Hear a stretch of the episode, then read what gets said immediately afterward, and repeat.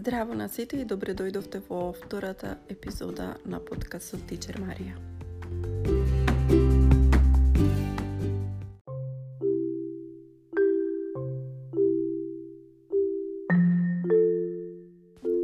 Пред неколку години на еден мој час,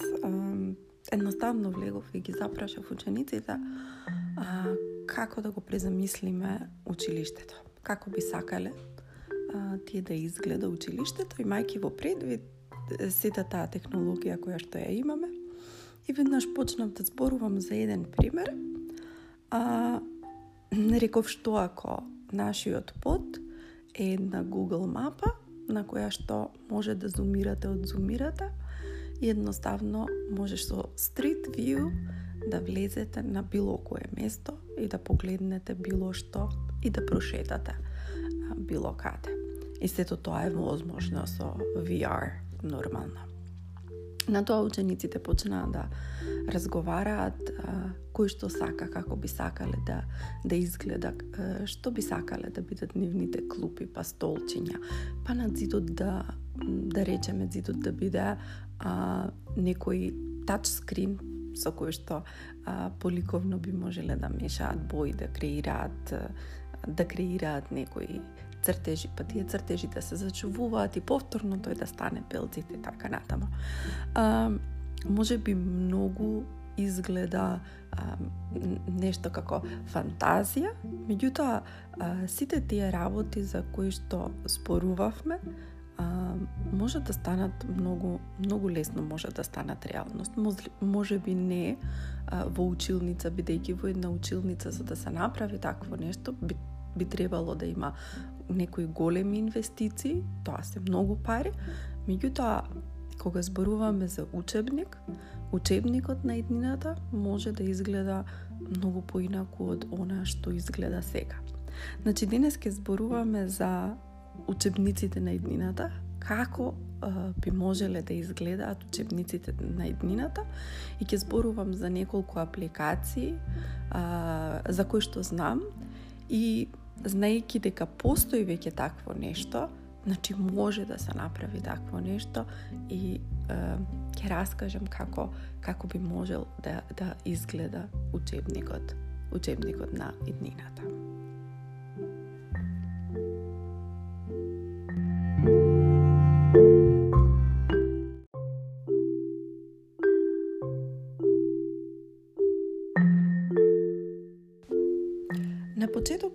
Зборувам за дидактички материјали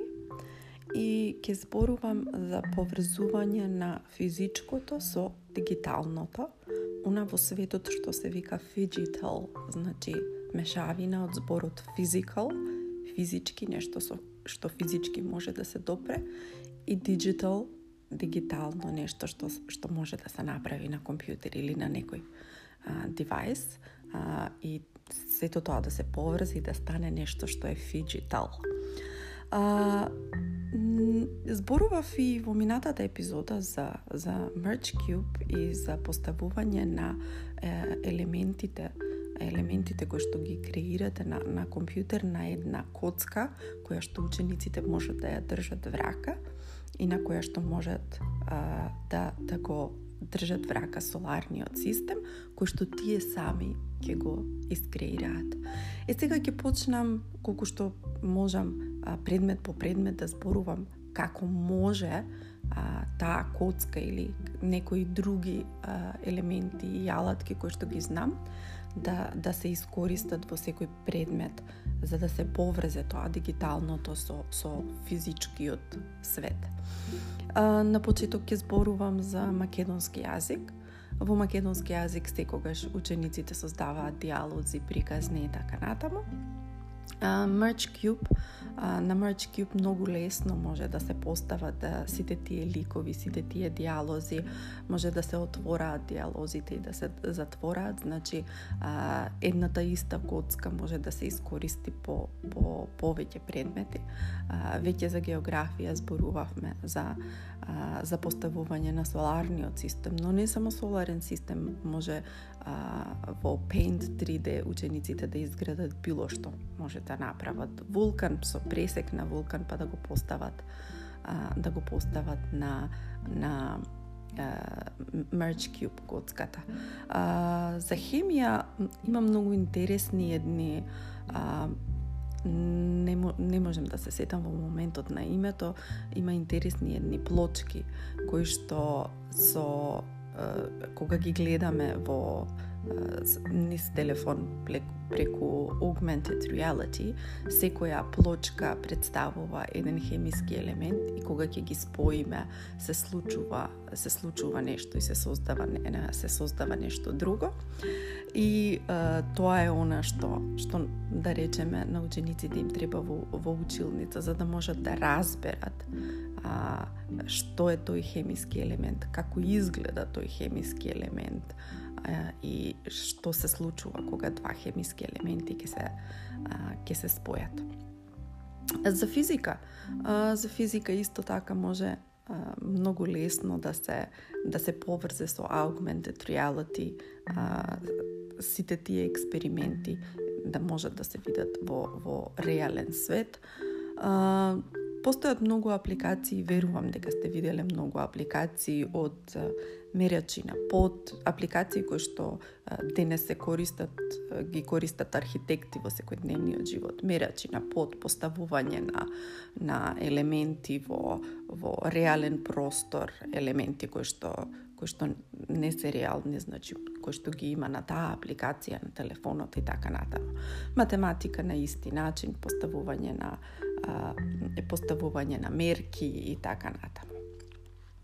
тоа е а, она за што на што треба да размислуваме кога зборуваме за дидактички материјали. Не може веќе да зборуваме за во, во 2020 година да зборуваме за а, давање наставно ливче. Тоа наставно ливче треба треба да има некаква си интеракција, да речеме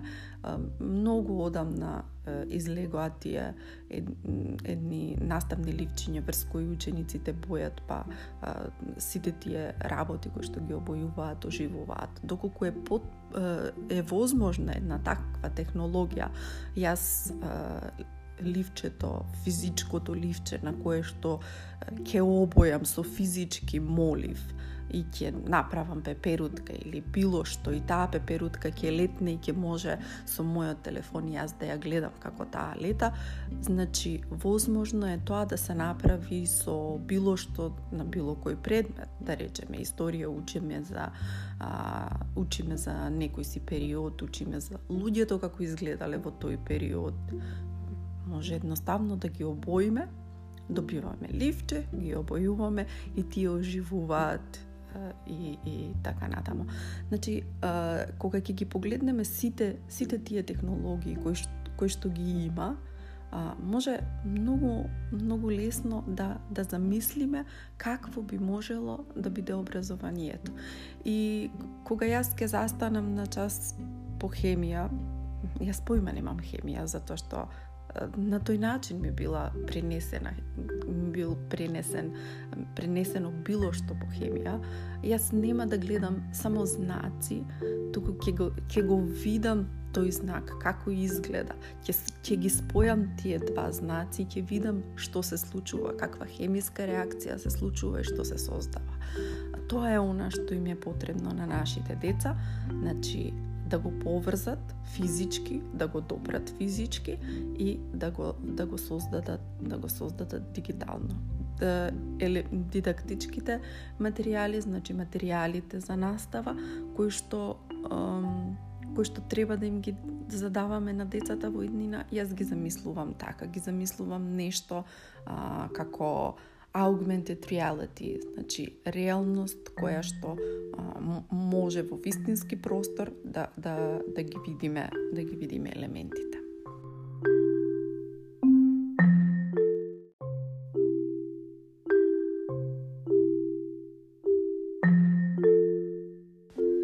И сега кога зборуваме за учебники како како да го презамислиме учебникот, како да ги презамислиме учебниците, Јас често говорам за OneNote и секогаш ме прашуваат, а знаеш ли некоја друга алатка освен OneNote?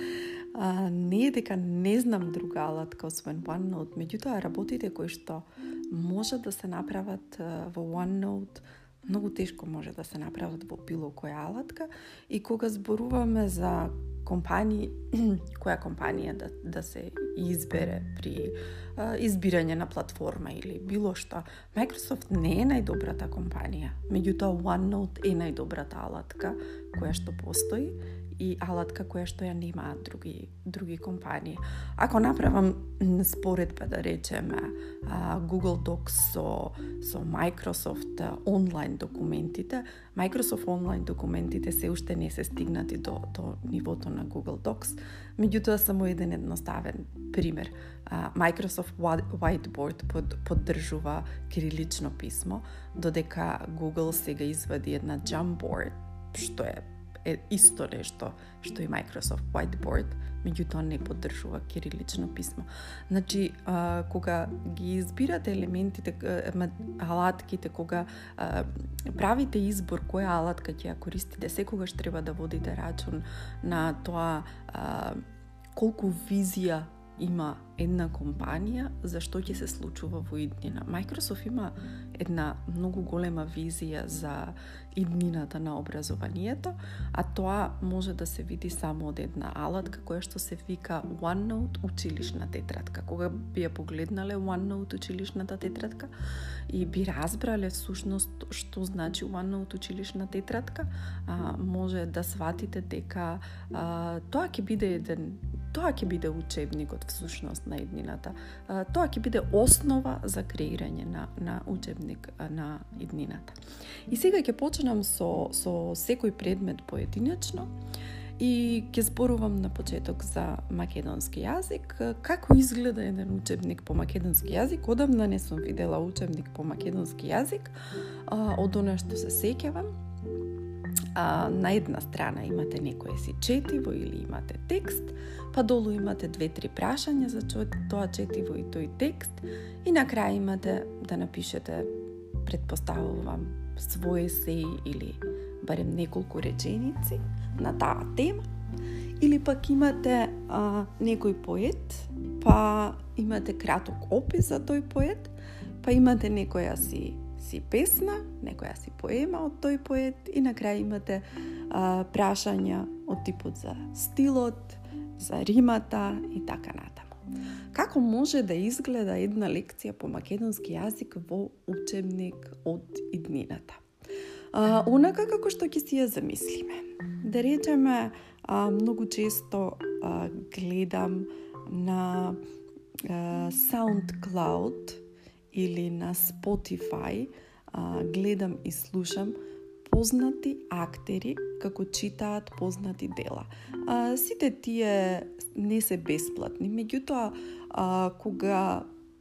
да речеме во Македонија би би платиле некој познат актер да ги испрочита сите тие а, четива и сите тие песни и да се постават како такви, а, во, во еден учебник, тоа за, за децата би било многу интересно. А, често на TikTok го гледам Игор Джампазов како што како чита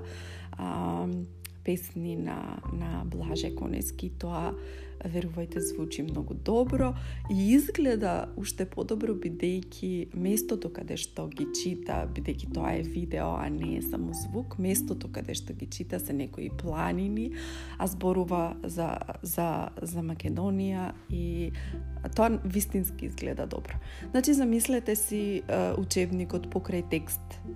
нормално бидејќи се работи за македонски јазик, бидејќи учениците треба да го прочитаат, да, да ја прочитаа таа песна или тој текст. До текстот постои едно видео од некој како Игор Джамбазов, кој што го чита, ја чита таа песна и подолу имате приказна за, за животот на авторот. Кога зборуваме за приказна за животот на авторот, таа приказна за животот на авторот не мора да биде а, тој тој автор беше роден таа и таа година и таа и таа година студираше во тој во на тој факултет а, ги напиша песните тие и тие Тоа може да биде една временска рамка. Ако мене ми кажете дека некој автор бил роден не знам која година и предавал на некој си факултет не знам која година, јас никогаш нема да запамтам.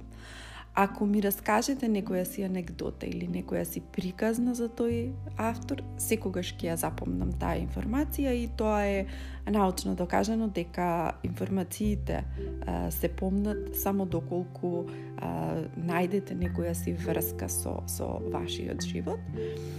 И така една временска рамка во која што би стоеле ете некои побитни побитни датуми за тој автор и некоја си анекдота со која што јас како ученик ќе го поврзам тој автор, а, би ми било многу многу пополезно од некој си краток текст кој што ми кажува а, каде бил роден и не знам а, што правел. А, дури и а, една мапа која што ќе може да ја зумирам а, со street view, значи со поглед до до до куќата каде што бил, ако стои куќата каде што бил роден. А, па постојат и некои такви музеи, па може да има а, 360 степени а, виртуелна тура низ низ куќата, низ местото каде што бил а, роден тој автор. Или може да се направат, дури може да се направат 3D модели. Ако веќе знаеме информации, но местото не постои, да се направи еден 3D модел од неговата соба, од неговата куќа и така натаму. Значи, како го замислувам, како ја замислувам една страница од учебникот по македонски јазик? Па од една страна, значи, има а, да речеме зборуваме денес за поема, од една страна ја има поемата, ја има елегии за тебе, до неа го има Игор Джамбазов, а, каде што один из некоја шума и ја изборува и ја рецитира елегии за тебе. А, подолу имаме една временска рамка за Кочорацин, па имаме една а, виртуелна тура низ домот на Кочорацин, па имаме сведочење на Раца, па имаме една а, мапа каде што може да се зумира каде е роден Кочорацин и може да се зумира каде е неговиот гроб. И тоа за мене, па и за секој ученик би било многу поинтересно од една страничка со само текст и една сликичка.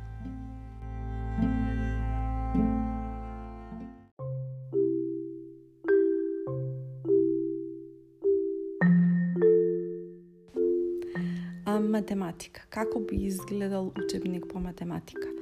Она на што во моментов во светот се фокусира кога зборуваме за математика, бидејќи насекаде во светот учениците имаат одбивност кон математиката затоа што не може да најдат спој со со реалниот свет е ставање на, на а, тие математички задачи во, во некој реален свет за учениците да може да, да, да ги разберат, да го разберат, а, да разберат всушност што прават. бидејќи работам со една ученичка од Америка математика и баш а, ја зборуваме таа тема, задачите кои што се во смисла сместување на реален свет не е ништо друго освен она што ние учевме како текстуални задачи, меѓутоа текстуални задачи кои што држат вода, ние имавме текстуални задачи кои што реално нема нема смисла. Овие текстуални задачи се, ако зборуваме за позитивни, за негативни зборови, а задачите се од нивниот реален свет, од свет со кој што може да се поврзат, да речеме, некој се паркирал 4 нивоа под земјата, а неговиот стан се наоѓа на 8 нивоа над земјата, колку нивоа треба треба да пропатува, значи имате минус 4, па имате плюс 8 и треба да се да се најде кој е збирот, значи кол, колку нивоа колку нивоа пропатувал за да стигне од нивото каде што ја оставил колата до нивото каде што каде што е неговиот стан. И сега, дури да се да се такви задачите, да се само текстуални, нешто од реалниот свет, сепак тоа ќе биде само текст и тоа ќе бидат само бројки, а она што им треба на учениците е а, да го видат сето тоа во реалност. А, тоа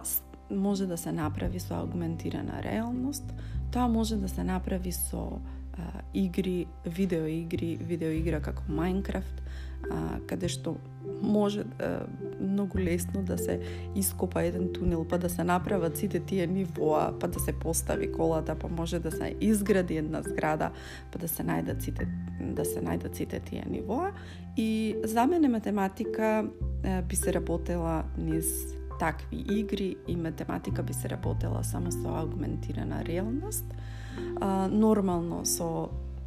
со пишување и со решавање задачи, меѓутоа а, не не на начин на кој што се работи сега, само во тетрадка, само со табла, само со текстови, само со а, само со задачи, туку нешто што ќе може со мојот телефон јас да го видам и да го измерам, да речеме а, која е должината од едниот до другиот крај на ќошот, каде ќе поставам нешто, колку ќе остане од едниот крај на ќошот до, ме до а, просторот каде што сум поставила нешто и така натаму. А, ако зборуваме за алатки за апликации, вас многу ви е позната геогебра. а, постои уште една слична на неа што се вика Desmos и бидејќи зборувавме за OneNote и GeoGebra и Desmos може да се вметнат во OneNote и ученикот без да ја напушти а, тетрадката, значи без да го напушти учебникот, ќе може да ќе може да си ја реши да си ја реши задачата. А, интерактивна книга, а, книга каде што нема а, само текст и само бројки, има интеракција, има задачи, има а, има елементи кои што треба кои што треба да се сложат.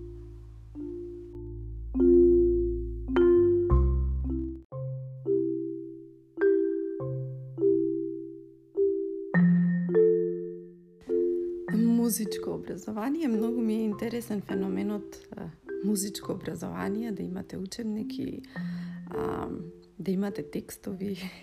и да учите и да одговарате на прашање да правите тест. тоа е а, тоа е нешто а,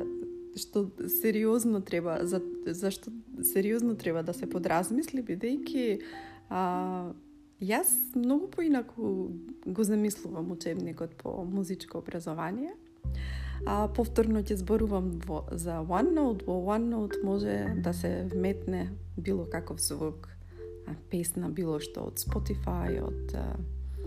SoundCloud, значи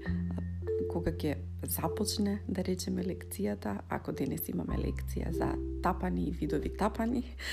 ќе ставиме неколку си музики, неколку си песни во кои што учениците ќе можат да, да разликуваат видови на тапани или не знам, удирачки, удирачки инструменти. И ќе имате повеќе композиции кои што ќе може да ги преслушаат, па ќе може да да да ги да, да ги препознаат, да го препознаат тој удирачки инструмент. Верувам дека тоа и го прават наставниците на час. Меѓутоа како се прави тоа? Тоа се прави со еден касетофон, па се сите слушаат заедно и така натаму, а доколку имате таков дигитален учебник, учениците со слушалки ќе може секој во свое време да го ислуша, да го повтори, да го преслуша пред да открие кој е тој кој е тој uh, удирачки елемент. И на крај, а, кога зборуваме за одговори, одговорете на прашање или а, кажете, не знам, не знам какви прашања би биле тие по музичка. А, може би е подобра идеја да побараме од учениците да продуцираат нешто. Постојат многу многу апликации кои што апликации на телефон, апликации онлайн кои што со кои што учениците можат да искреираат музика и многу музичари веќе користат само само такви елементи. А, добро е во една еден таков дигитален учебник да постои е, вметнат, вграден, ембедиран еден еден таков софтвер, една таква апликација. Google има многу интересна, а, мислам дека на не знам, мислам дали се од Google Garage, тие се некои интересни интересни апликации, само со со избирање на полиња, учениците можат да креираат може да креираат една една, една композиција која што не само што ќе ја изслушаат, туку може и да си ја симнат, бидејќи тоа е лично нивна нивна композиција и да речеме сега ги учите тие и тие а, музички инструменти и за домашни им задавате, искреирате ваша музичка композиција со тие елементи, а, крстете ја таа музичка композиција, кажете ни како сте се чувствувале, зошто сте ја напишале и така натаму. Значи, учебниците по музичко може да изгледаат а, многу поинаку. А, во минатиот подкаст зборував за Flatio, тоа е една апликација која што се вметнува, се ембедира а, внатре во OneNote. А, Flatio е страница каде што може а, да си а, вметнете а, да си вметнете лист со музичка скала, не, не знам како се вика точно тоа, и а, автоматски автоматски се се пушта звук и се свири се свири по, по тие ноти со тоа што а, една линија оди и покажува всушност на која на која нота до која нота сме. А, значи учебникот по музичко а, треба презамислување може да изгледа многу поинаку и со сите тие апликации елементи кои што ги има би изгледал многу поинаку од она што изгледа сега.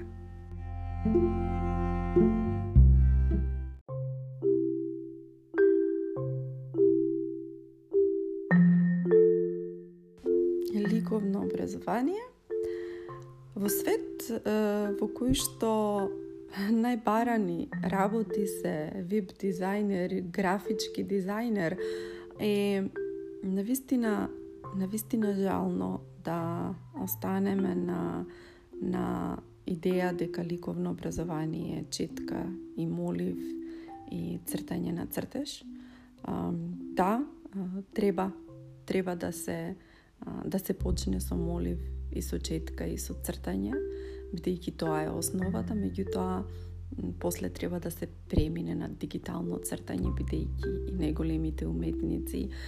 е, веќе премина на, на дигитално цртање, цртање со дигитален молив на, на таблет. И мислам дека во образование треба веќе да почне да се да се зборува за вметнување на фотошоп и на илустратор на часовите поликовно затоа што тие се тие вештини кои што на кои што ќе им бидат потребни на на учениците.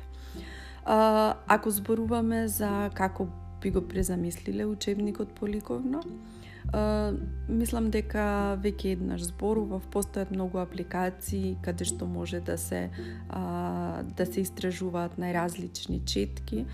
бидејќи еден ученик кој што ќе почне со ликовно образование нема да ги купи сите видови на четки, нема да ги купи сите видови на боици. А, може тоа да се истражува на, на компјутер, значи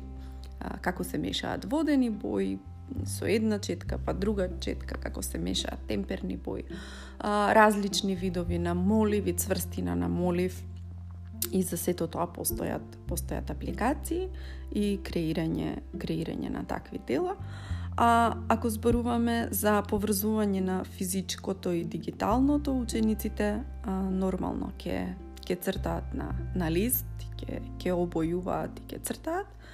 И она што може да се направи е да направите еден вид на галерија, една веб страна, галерија која што во која што ќе ги вметнат сите своји своји цртежи или веќе ако зборуваме дека учебникот е,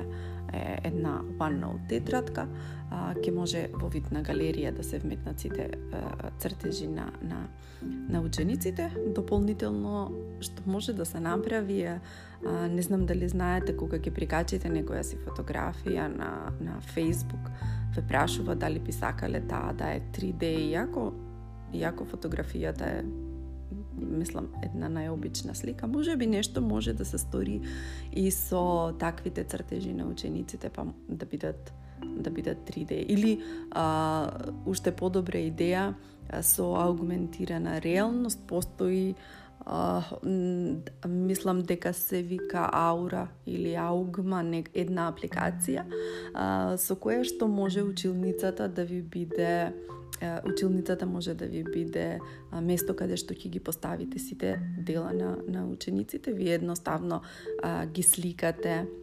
ги сликате цртежите од учениците, а, го земате просторот на училницата да ви биде основа и ги поставувате ги поставувате а, дигитално на, на, на тој простор и кога со телефонот и со таа апликација поминете значи ја разгледате училницата, ќе видите дека а, тука ќе се поставени сите а, у, а, сите цртежи на учениците, иако во физички простор нив ги нема, има само бели цидови, со аугментирана реалност ги има ги има сите а, сите цртежи на учениците или пак да речеме кога ќе дојдат родителите да си ги земат своите деца од, од училиште, а, вратата може да биде аугментирана реалност, па тука да стојат сите изработки кои што де, тој ден ги, ги сработили учениците, така а, а родителот со таа апликација ќе може да да погледне што што неговото дете направило тој ден.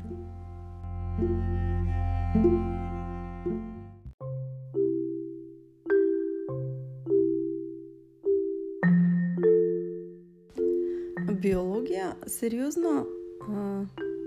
учебник по биологија во кој што има само текст и една сликичка, не знам како како и би научиле учениците и како и би разбрале и, и сватиле што што всушност им се зборува. А,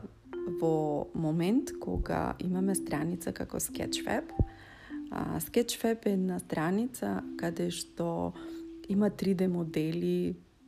за било што. Значи може да најдете 3D модели за било што. А, еден интересен 3D модел има 3D модел со пресек на срце и не само тоа, а, што што има 3D модел со пресек на срце кој што може да го зумирате и одзумирате, туку тоа срце а, постојано пулсира и пумпа и спомпува крв. А, значи тоа е тоа е начинот на кој што би требало да, да учат учениците. Како го замислувам учебникот по биологија? А, нормално дека мора да има текст, а, нормално дека мора да ги има а, сите тие елементи,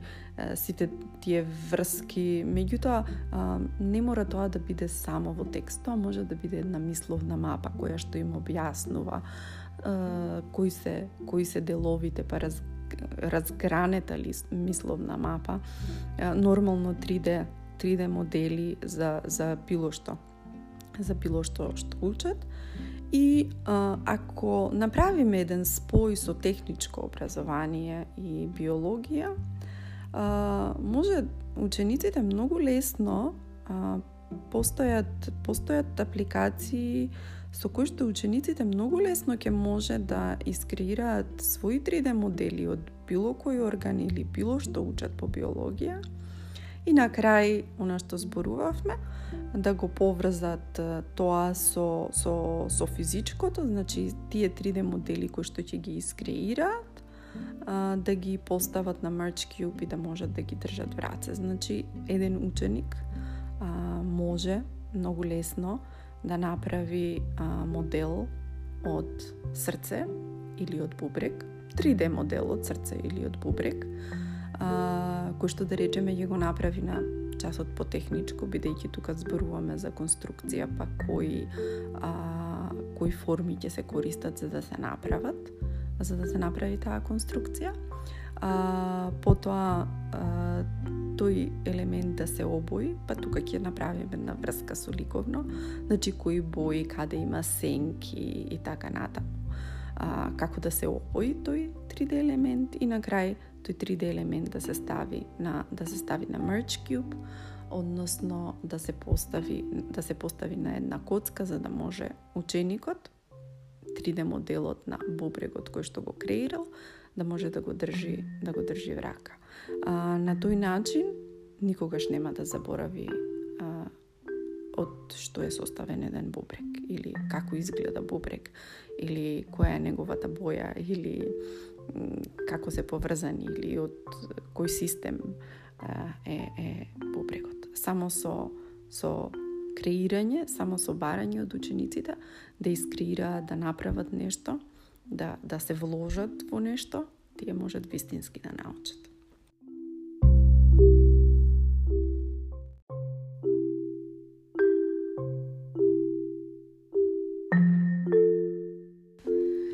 Кога зборуваме за странски јазик, учебниците по странски јазик веќе изгледаат така како што би требало, освен тоа што а, има само текст и фотографија, сите учебници одат со аудиокасети, а, само што во еден учебник на еднината или во една OneNote тетрадка како би било тоа изорганизирано, значи од една страна имате некој си текст, текстот веднаш до текстот кој имате аудио со кое што ќе го преслушате тој текст. Наместо фотографија имате имате можеби некое видео или фотографијата е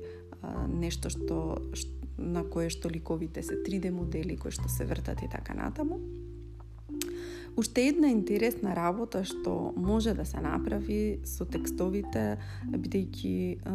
во некои делови од учебниците а, има како нешто како кратки лектири кои што се читаат и препрочитуваат,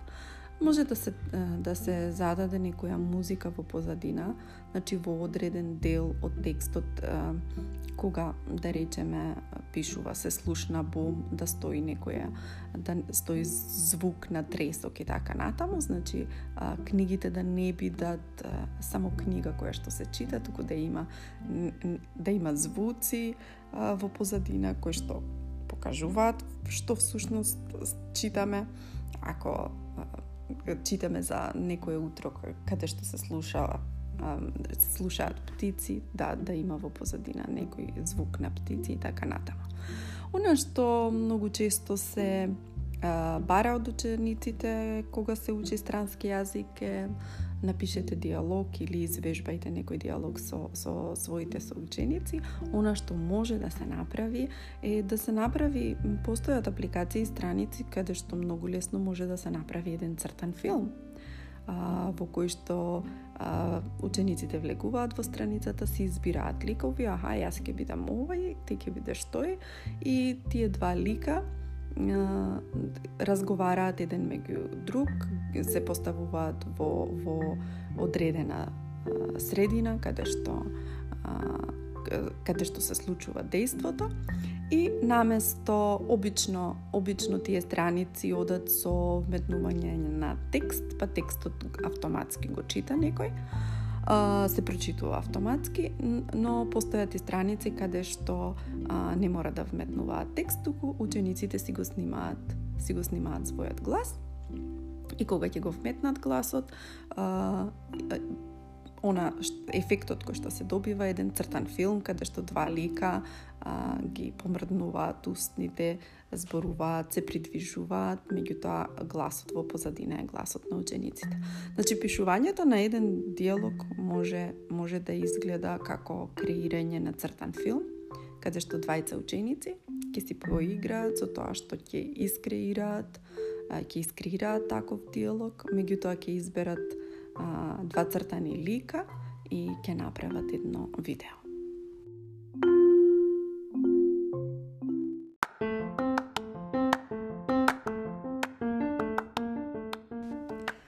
Се ова за што зборував не е некој фантастичен свет, а се ова е нешто остварливо нешто што може да се направи во OneNote, јас како наставник по англиски јазик кој што нема многу познавање од информатика,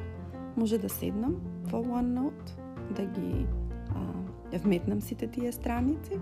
и да направам еден таков еден таков учебник на, на иднината и можам да го презамислам тој учебник на,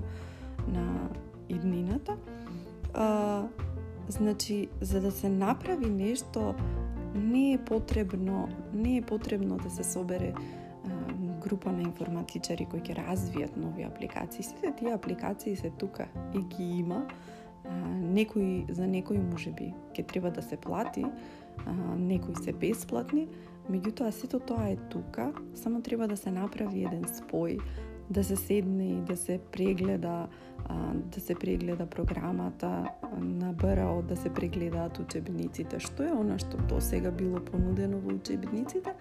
и да се направи една визија, една фантазија, една замисла а, како би сакале а, да ми изгледа мене учебникот, да речеме, како би сакала јас учебникот по географија да ми изгледа. Не може учебник по географија а, да, да нема а, виртуелна мапа во која што може да зумирам, да отворам било што и мапа каде, што може да анотирам, каде што може да си поставувам белешки, аха, од тука до тука беше тоа, од тука до тука беше тоа. А, тие се работи што што реално денес може човек, можам јас да седнам и да се направат. Значи тоа не е нешто што што може само да се замислуваме. А, учебникот на иднината може да се направи денес. А, потребно е само волја. Сите алатки се бесплатни, а, може би некои се плаќаат, меѓутоа не се толку скапи и сето тоа може може да се изведе. А, се надевам дека ви помогнав. А, на страницата Patreon ми може би ќе најдете и ќе научите за некои за некои од алатките кои што зборував. Некои веќе ги имам а, презентирано на некои од семинарите кои што се одржува минатата година, а за некои а, допрва ќе правам видеа.